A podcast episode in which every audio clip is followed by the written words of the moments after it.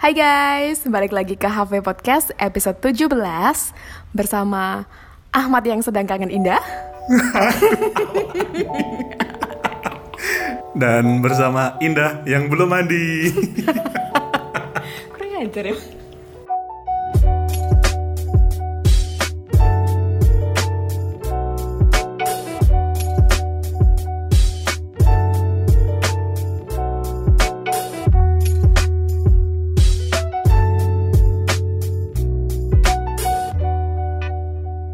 Oke, Tumben aku gak mandi loh biasanya juga nggak mandi. Masih mandi Ini apalagi musim hujan kayak gini ya. Tadi tuh aku ketiduran Nah, kemarin juga ketiduran. Kemarin-kemarinnya lagi juga ketiduran kan. Mana mana ada aku jarang nggak mandi yo ke sini tuh Biasanya wangi. Eh parfum Sekarang nggak wangi, udah nggak mandi, nggak wangi lagi. Astagfirullah, aku bawa parfum di tas Oh, nggak ada yang nggak di tas. Oke. Oke, sekarang mau nanya beneran nih gua nih, mau nanya beneran. Gimana kabarnya? Ini beneran lama nggak ketemu nih. Kangen aku. Nggak juga. Kamu tuh jujur aja deh. Ah, Jujur. Aku tak Jawab, jawab. Hah? Jawab. Ya kan aku nanya. Gimana kabarnya kan gua nanya duluan. Ya kan aku juga balik nanya. Oke. Kabarnya apa ya? Kabarnya hari ini sedang aku tuh mau jawab baik tuh tapi Tapi nggak kan baik. klasik gitu kan enggak Dijawab yang kayak kemarin dong.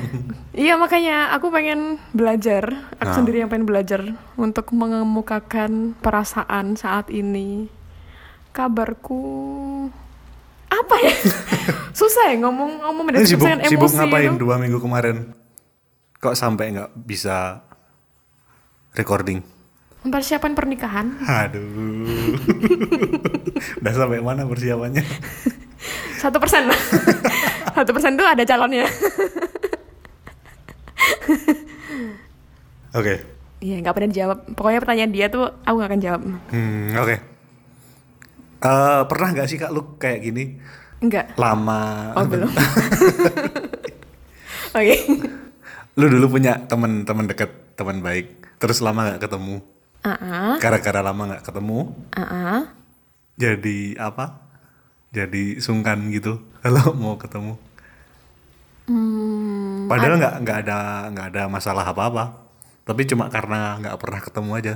Jadi canggung gitu loh. oh jadi canggung ya Hah. Pernah sih. Tapi yang ku ingat itu yang ketika lama nggak ketemu sekalinya ketemu ya kayak biasa lagi gitu. Itu yang ku ingat kalau pernah apa enggak yang jadi canggung tuh pernah tapi aku nggak lupa. Kamu gimana emang? Kamu jadi canggung sama aku ketemu aku ini? Iya. sebelum ketawa aku lama nggak nggak keluarkan itu aku lagi sadis boy ini Baru menyadari sesuatu tadi. ini ini ini menurut kamu suaraku lagi kalem atau lagi Kurang kalem, kurang kalem. oh kurang kalem Coba diturunin lagi satu nada. sorry guys dia sih ngajak bercanda guys oke Jadi sibuk ngapain beneran nih? aduh susah jawabnya aku nanya kamu aja lah Ah. kamu sibuk apa emang Sibuk apa ya? Lagi gabut akhir-akhir ini kan, kemarin nggak ada kegiatan kan. Tadi itu, tadi seharian gua dengerin ini, dengerin. jangan bilang dengerin episode 1 podcast. sampai 18 eh belum 18 sampai dulu itu sampai habis kan itu sampai habis sampai mau dengerin lagi udah males terus podcast podcast terus podcast podcast langganan juga udah didengerin semua belum ada yang update akhirnya gue dengerin podcast horor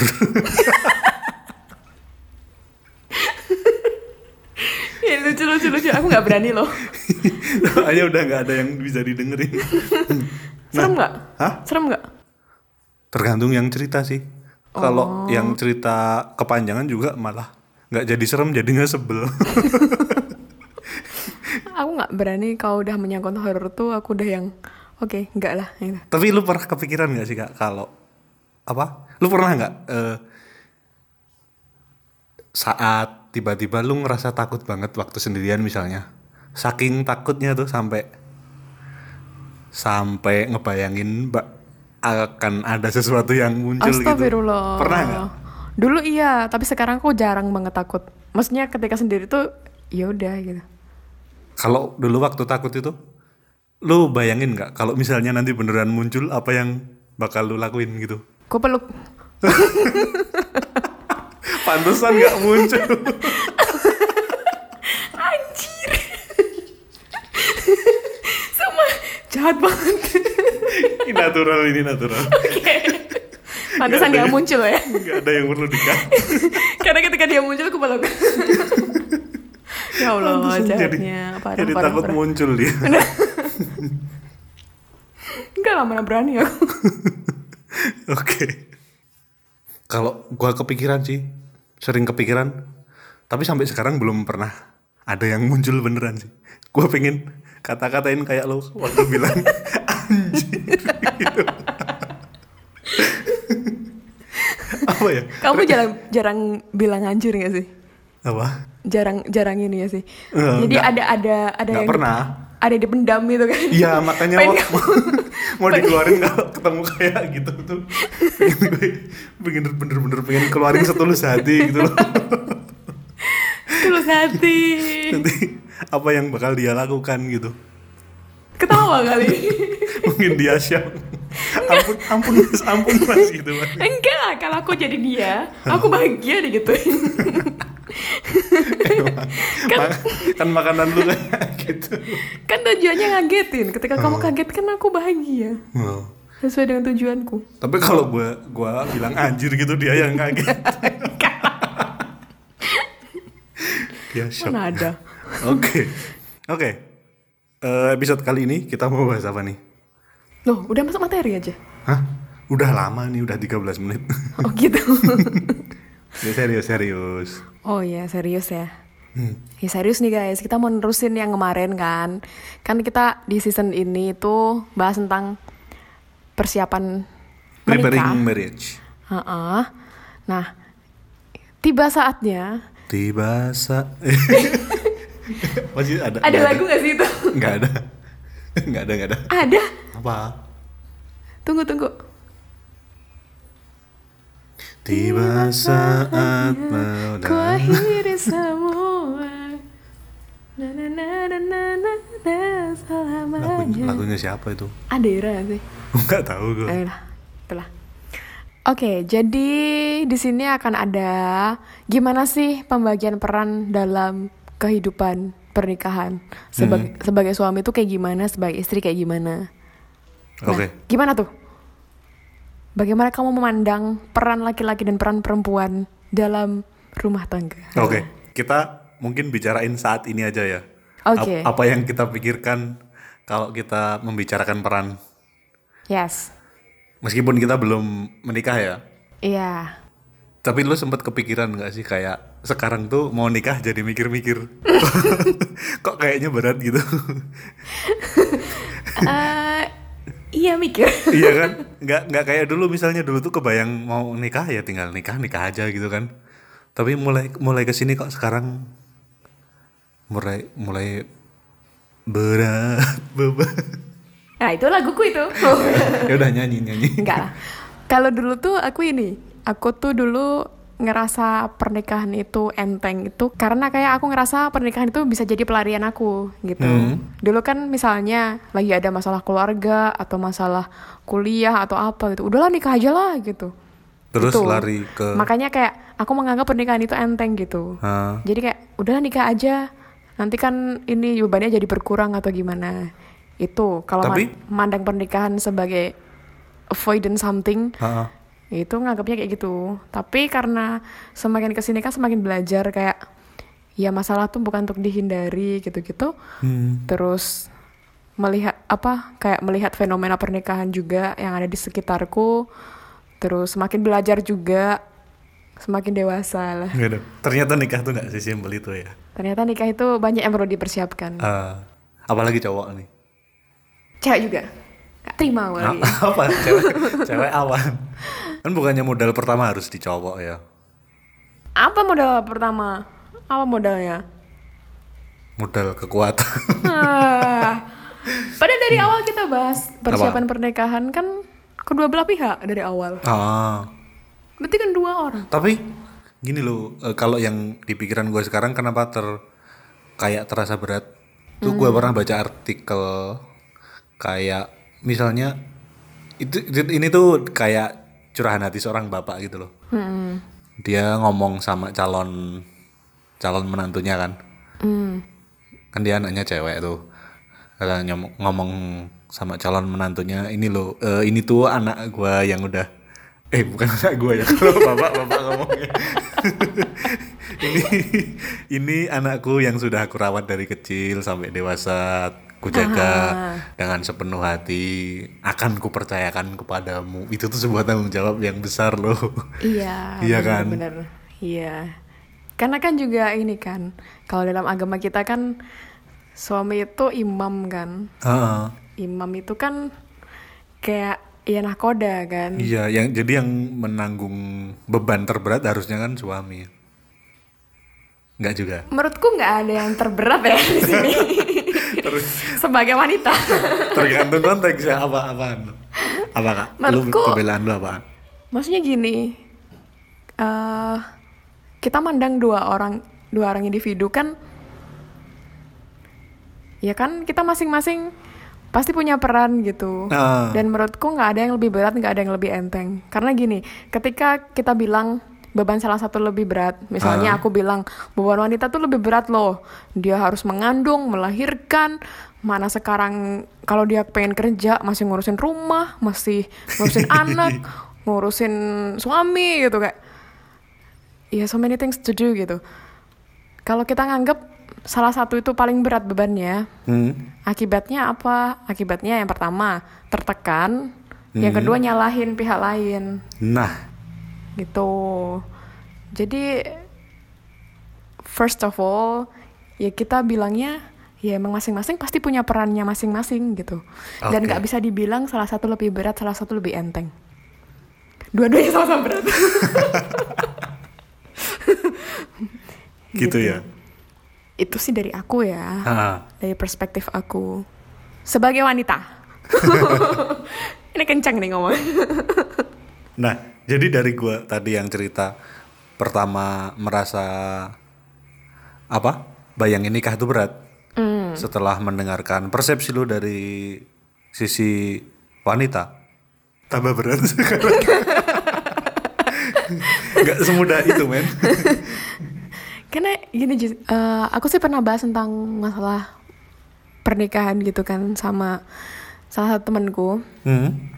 Jadi kayak ya nikah tuh berat loh gitu. Karena kita pada akhirnya kan kita misalnya punya anak itu kan menciptakan generasi baru gitu. Ah, dan ketika kita sendiri pun uh, belum selesai dengan berbagai permasalahan kita kayak belum dealing dengan misalnya trauma-trauma kita atau belum misalnya emosinya masih nggak stabil masih yang ini masih yang ini nanti kalau kita punya anak kita jadinya malah menurunkan itu ke anak kita nggak sih menurunkan sesuatu yang belum kita selesaikan ya. Iya, padahal itu masalah kita, bukan masalah anak kita gitu.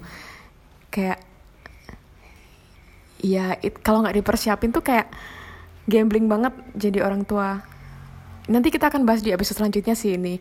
Kayak pada akhirnya ketika memang kita itu belum selesai dengan kita sendiri, Ha. biasanya kita akan mengulangi pola yang sama dari masa lalu masa lalu kita.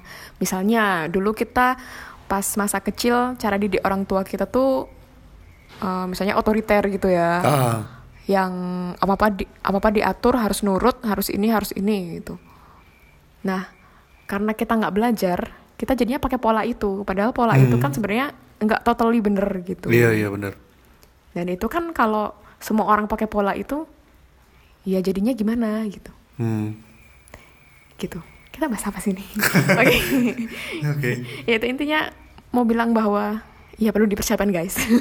nah terus kan kita di sini mau bahas tentang managing roles dalam rumah tangga ya. Ah, Jadi peran wanita tuh gimana, peran laki-laki gimana? Kalau menurutmu gimana? Kalau menurut gua Hah. perannya sesuai kesepakatan. Oke. Jadi mungkin perlu ada koordinasi dulu sih sebelum memulai sebuah rumah tangga. Mungkin dengan pasangan ada kayak pembagian peran. Kan nggak selamanya juga yang cowok kerja terus yang cewek di rumah ngasuh anak sama ngurusin urusan rumah gitu kan. Tapi kan bisa juga sebaliknya. Pada kenyataannya kan seperti itu. Haha. Eh, banyak juga eh, orang-orang di sini yang ceweknya yang bekerja sementara bapaknya yang ngurusin yang ngurusin anak sama rumah gitu kan jadi tergantung kesepakatan aja sih karena keadaan masing-masing pasangan mungkin berbeda Tapi ini apa namanya? Kalau aku sih masih jarang menemui ya untuk yang di sekitarku sih kayaknya nggak ada yang laki-laki di rumah sama yang istrinya kerja. oh kalau di di sekitarku masih ada Oh, aku aku masih jarang menemukan itu gitu. Oke. Kalau itu gimana tuh? Aku malah penasaran tuh sama mereka. mungkin gua juga ter mungkin tidak semestinya membahas mereka karena gue juga nggak tahu sih oh, mereka sistemnya gimana Tapi ada gitu ada ya. tapi ada Iya iya iya iya. Ya, itu yang belum ketemu sih. Aku juga penasaran sih sama orang-orang yang kayak gitu tuh. Hmm. Mereka seterbuka itu gitu. seterbuka itu. Heeh. kan soalnya kan di sekitar kita kan masih sangat di sekitar kita kan masih sangat banyak yang apa namanya? Yang pembagiannya tuh traditional roles gitu loh. Heeh. Kayak ya kalau laki-laki kerja, Kerja. perempuan di rumah gitu. Ah, ini budaya juga ya dari Iya. orang Jawa kayak gitu ya. nggak cuma orang Jawa sebenarnya tuh ma- masih banyak juga di mana-mana gitu. Nah itu tuh kayaknya di Jawa juga ada ininya deh, ada istilahnya tapi aku agak lupa. ya. Apa? Pokoknya tugasnya tugasnya apa wanita ki ngene ngene ngene ki. Aku bisa Jawa tapi aku lali. Hmm, itu emang udah di apa dicetak dari kecil gitu kan. Kalau makanya kenapa cewek tuh pakainya pakai pakai apa? Ja, jarit namanya apa? Jarit. Itu kan nggak bisa nggak emang nggak leluasa buat bergerak kan. Itu emang biar apa tingkah lakunya itu lemah lembut Halus, gitu. ya. Emang tidak untuk bekerja keras gitu loh. iya kan? Ya ya ya. Jadi emang udah Ya, dari dulu. pendidikan dari dulu kayak gitu. Mm-mm. Nah itu itu yang ku tahu gitu. Cuman emang sekarang banyak juga wanita yang kerja gitu, memilih untuk kerja. Aku kemarin sempat dengerin ini, dengerin di narasi di YouTube-nya narasi Hah? Najwa Shihab sama Agnes Monica. Hah? Jadi aku senang banget sih sama pembahasan mereka tuh. Kalau katanya Agnes itu kayak eh kesetaraan kan sekarang yang digaungkan adalah kesetaraan kan.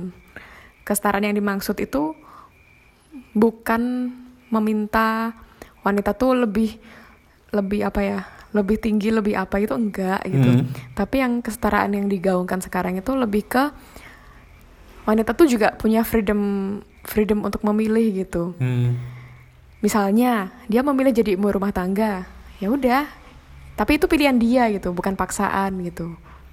Kayak dia milih karir ya itu emang dia yang milih gitu. Hmm. bukan bukan karena paksaan atau apa gitu. Jadi kayak misalnya di tempat kerja itu masih banyak juga yang perlu diperjuangkan gitu. Misalnya Hmm. laki-laki tuh emang lebih gampang untuk naik jabatan ya sih daripada wanita. Eh, iya jawabannya. Gua nggak tahu sih. iya maksudnya iya. Jadi misalnya laki-laki tuh kerjanya tiga laki-laki tuh harus 8 atau harus berapa gitu. Hmm. lipatnya tuh lebih banyak gitu. Dan itu kan sebenarnya yang diperjuangkan oleh pihak-pihak di luar sana gitu. Hmm. nah kesetaraan itu juga seharusnya juga ada di rumah tangga gitu. Tapi misal eh, ini kak, misal kayak istri memilih untuk bekerja, Mhm. terus suami juga mau bekerja nanti yang mengurus anak gimana? ya diomongin lah nggak tahu siapa nah itu gimana tuh? Maksudnya efek-efek nanti untuk eh, keluarga itu sendiri, ter- eh, khususnya untuk anak-anak tuh gimana? Apakah dengan kesetaraan itu bisa membuat keluarga lebih baik? kalau menurutmu gimana Kalau- seharusnya Seharus nggak tahu kalau seharusnya, tapi kalau menurut gue ya Mm-mm. harus ada salah satu orang tua yang selalu selalu ada buat anak. Jadi nggak boleh ditinggal kerja semua karena kan pendidikan yang pertama kali diterima oleh seorang anak kan dari orang tua. Hmm, Oke. Kalau menurut gua gitu sih. Terus jadi mungkin untuk mengatasi kalau misalnya dua-duanya ingin bekerja atau meng men- apa men- mendapatkan penghasilan mungkin bisa dengan pekerjaan yang tidak harus meninggalkan rumah atau bisa sambil tetap bisa sambil bersama anak gitu loh kan kan sekarang sudah mulai banyak tuh kayak pekerjaan yang apa kayak online freelance gitu kan Remote gitu nggak ya. eh, remote juga kan nggak harus ke kantor tapi kan tetap tetap bisa juga eh, buat dapat income gitu kan Ah, ya itu bisa jadi salah satu alternatif sih menurutku. Hmm. Tapi bukan berarti itu adalah pilihan satu-satunya gitu. kalau menurut lu gimana Karena ya aku sendiri sih lebih ke ya tergantung pasangan itu emang maunya gimana gitu. Kalau emang kalau aku pribadi ya, aku pribadi sih aku preferensinya aku lebih suka kerja gitu. Karena aku bakal stres banget kalau aku di rumah. Menurutku. Hmm. Ini kalau aku ya. terus kalau misalnya lu besok kayak gitu yang ngurusin anak siapa Nah, sekarang gini aja lah pertanyaannya dibalik ya. Hah? apakah menjamin i- misalnya ibu yang di rumah anaknya akan baik-baik saja enggak juga. Nggak ada jaminan kan wanita karir ataupun ataupun ibu rumah tangga gitu. Jadi karena banyak faktor di situ bukan jadi faktor karir menurutku bukan satu-satunya yang paling besar kontribusinya. Ya mungkin ini juga bisa sih ditolak oleh beberapa orang pendapat ini. Ah. tapi kalau aku sih setujunya di perspektif itu. Dan untuk urusan anak itu sih belum kupikirin soalnya kan biasanya yang jadi pertimbangan paling besar antara istri kerja atau tidak kan setelah mempunyai anak kan Ya, dan ya itu salah satu hal yang menurutku eh, aku kagum sama orang-orang yang terutama mama yang dia ngalah demi ngurusin anaknya gitu. Ah, Karena menurutku itu pengorbanannya luar biasa itu. Kalau karena apa ya? Kalau itu sih kalau aku sendiri sih aku sampai saat ini hmm. aku sih masih pengen kerja. Dan aku juga udah ngomong sih maksudnya aku tuh pengen kerja orangnya gitu. Ngomong sama calon. Iya. Udah dipersiapin dari sekarang ya? Karena bagiku tuh wanita mandiri secara finansial itu penting gitu. Iya kalau itu penting benar. Gue setuju. Dan di situ kan maksudnya nggak ada yang punya power lebih. Hmm. Iya, itu tergantung pribadi juga sih. Pokoknya banyak tergantung ya di sini ya. gitu. Kalau untuk masalah anak, ya sekarang ya terbantu dengan daycare. Itu ada meskipun nah nggak semuanya juga bisa di cover sama daycare. Gitu. Dan mungkin juga bisa mempertimbangkan eh apa namanya? Anaknya dibawa penitipannya yang deket kantor atau gimana gitu-gitu. Atau gimana gantian cuti emang bisa cuti terus. Ya pokoknya atau ikut neneknya? Eh aku sih kurang setuju sama itu. Kenapa? kasian kasihan neneknya anaknya? Iya kasihan neneknya. Karena ya meskipun happy ditipin cucu tapi menurutku membebani? Janganlah jadi beban gitu. Mending berkunjung aja lah seminggu sekali atau Ah. gimana. Itu akan lebih happy gitu daripada dikasih nyohon. Karena ya aku nggak tahu sih. Atau ternyata kebahagiaan nenek nenek itu adalah yang bisa menggendong cucu, merawat tiap hari, tiap detik gitu. Aku juga nggak tahu sih. oke Aku belum jadi nenek. Oke. Jadi gitu sih kalau aku sih. Aku merasanya gitu. Aku dulu juga pernah punya pikiran bahwa ya orang tua tuh harus ada yang stay gitu. hmm. Karena misalnya misalnya aku sendiri ngerasa orang tuaku sibuk semua gitu. Kayak aku merasa ada yang kurang gitu. Hmm. Tapi pada akhirnya ya orang tua yang di rumah pun juga nggak menjamin nggak menjamin juga gitu. Jadi menurutku itu faktor yang bagiku, aku selalu ngomong bagiku ya. Jadi jangan dipercaya 100%. bagiku eh, karir itu bukan penghalang gitu. Ya, oke Itu. soalnya dulu gua waktu kecil udah ditinggal apa kerja sih sama dua-duanya kan jadi gue emang di rumah sama nenek dulu dari kecil itu tuh sedih banget nggak? gitu. Oke. Tapi selain itu ada yang kamu ambil nggak dari situ maknanya? Apa? Eh apa ya? Maknanya ya mungkin bisa jadi lebih mandiri sih. Hmm, Tapi itu dimulai waktu udah bisa mikir ya umur umur berapa tahun gitu udah bisa mikir baru. Tapi waktu kecilnya gue masih inget gue nangis terus setiap hari tuh ditinggal tuh rasanya tuh sedih banget loh. Padahal cuma ditinggal sampai sore paling gitu. Iya, aku aku, pribadi sih juga ngerasa aku lebih tough gitu orangnya. Lebih lebih kuat, lebih mandiri gitu. Karena itu, aku dulu juga ini nggak sekolah aja aku takut gitu nangis gitu gitu. Kayak iya, tapi iya itu emang maknanya kan kita ambilnya kan nggak Iya. nggak serta merta kita kecil bisa ngambil makna. Pasti sering berja- berjalannya waktu dan itu memang butuh proses untuk berdamai dengan keadaan. Sekarang pun baru baru sadar-sadar baru-baru juga sadar bahwa ya sebagai individu kan orang tua juga punya pilihan kan gitu. Iya. Dan barangkali memang kerja itu adalah sumber kebahagiaannya beliau gitu. Betul. Itu Hmm. gitu. Nah, oke, balik lagi ke tema ya. Oke. Jadi ke mana-mana kita ngobrolnya. Oke. Hmm. Jadi dalam apa pembagian peran ya aku setuju sama kamu di awal tadi bahwa bilangnya sesuai dengan kesepakatan Iya. dan sesuai juga dengan ketertarikan masing-masing interestnya tuh di mana sama skillsnya. Misal eh, kita ambil aja lah Chef Arnold. Oke. dia kan ahli masak tuh. Ah. Kalau di rumah kan dia yang masakin. Iya kah? iya kayaknya di Twitter kayaknya kayak gitu. Jadi jadi itu salah satu menurutku based on skillsnya gitu, sama interestnya gitu. Hmm. Jadi nggak masalah kan cewek nggak harus masak juga gitu, Iya. karena ada pembagian di situ sesuai dengan kemampuan masing-masing. Terus kalau tanggung jawab yang lain misalnya nyuci, bersihin rumah gitu gimana? Nah itu dia. Kalau sesuai dengan apa yang kita omongin di awal tadi kan ya kesepakatan kan gitu. Jadi siapa yang tugas ini, tugas ini, tugas ini itu kan dibagi gitu.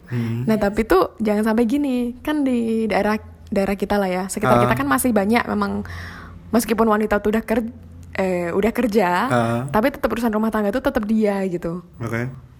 Oh ya, aku jadi ingat. Gini ya sih. Laki-laki tuh kalau su- sukses dalam pekerjaan, pasti orang-orang tuh pada bilang, "Ih, ya ampun, suami idaman banget sih." gitu. Hmm. Kalau karirnya cemerlang kan kayak gitu kan. Oh, tapi kalau Tapi kalau istri- cewek yang karirnya cemerlang, Ha. wah pasti nih di rumahnya anaknya nggak diurusin nih. Ha-ha. Pasti nih. atau atau misal dia eh, rajin nyuci, rajin bersih-bersih rumah, nggak ada yang muji. Eh, istri Ida. Nah, itu dia. Heran aku tuh. Dan tapi itu sih yang dibahas di Najwa sama Agnes Mo itu. Ah, Tapi juga yang disayangkan adalah yang kebanyakan ngomong kayak gitu juga cewek juga. Hmm. Yang nyinyirin kan kebanyakan juga cewek gitu. Jadi guys, sebagai wanita mari kita saling empower eh, satu sama lain gitu. hmm. Jangan Semangat para wanita. Oke. Padahal tadi aku bu- bukan mau ngomong itu ya. Jadi ke situ.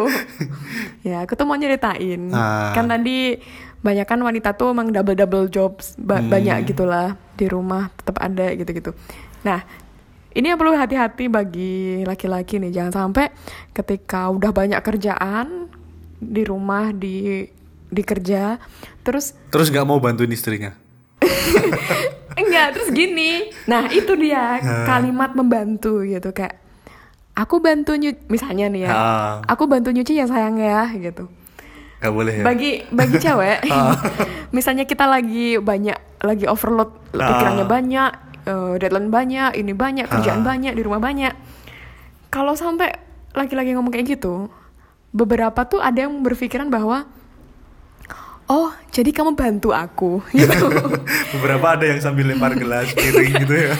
kalau bantu, istilah bantu, bantu itu kan berarti ini tuh berarti pekerjaan istri yang aku harus membantu. Ah. Berarti kalau aku bantu, kamu harus mengapresiasi usahaku untuk membantumu, Mm-mm. gitu. Iya berat juga ya.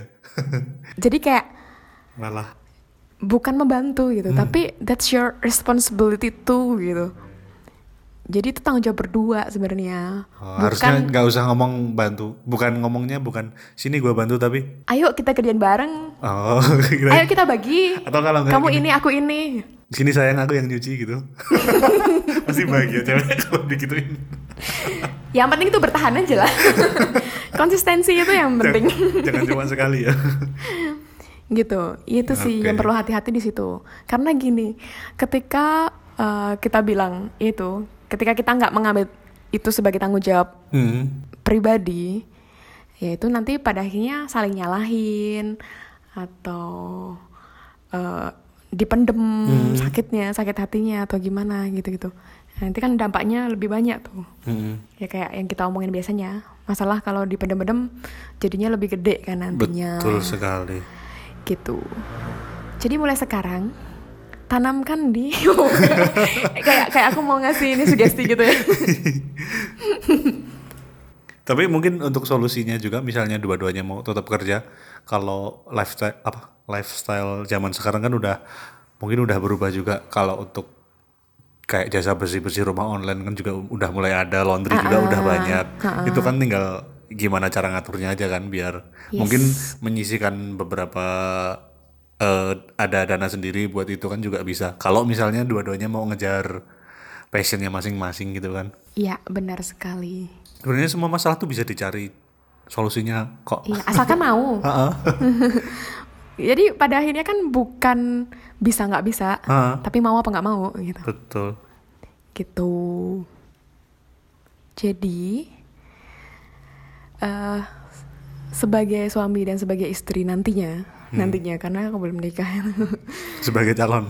Yes, nantinya. Jadi kerja itu sebagai tim gitu. Hmm. Bukan siapa yang tadi yang kita bahas di awal ya. Siapa yang lebih berat, siapa yang lebih enteng, bukan siapa yang tanggung jawab ini. Yang tanggung jawabnya lebih besar, lebih kecil, tapi tentang ya gimana kesepakatan kalian untuk membagi Iya. tanggung jawab. Gitu. Harus kompak. Yes, karena semuanya bisa dilalui asalkan bersama. ya. Hmm. Alright. Jadi kesimpulannya kalau kita di awal tadi ngomong wah bayangan kita sekarang mau nikah itu sulit gitu ya. Ya emang sulit. Tapi tetap ada jalan kalau kita mau Mengusahakan mengusahakan. dan mau belajar. Nah, karena hidup itu tentang belajar dan terus belajar. Ya, tentang mengambil makna dari setiap kejadian. Oke, Udah selesai. selesai. Oke, dadah. Bye. Bye. Sampai jumpa di episode selanjutnya.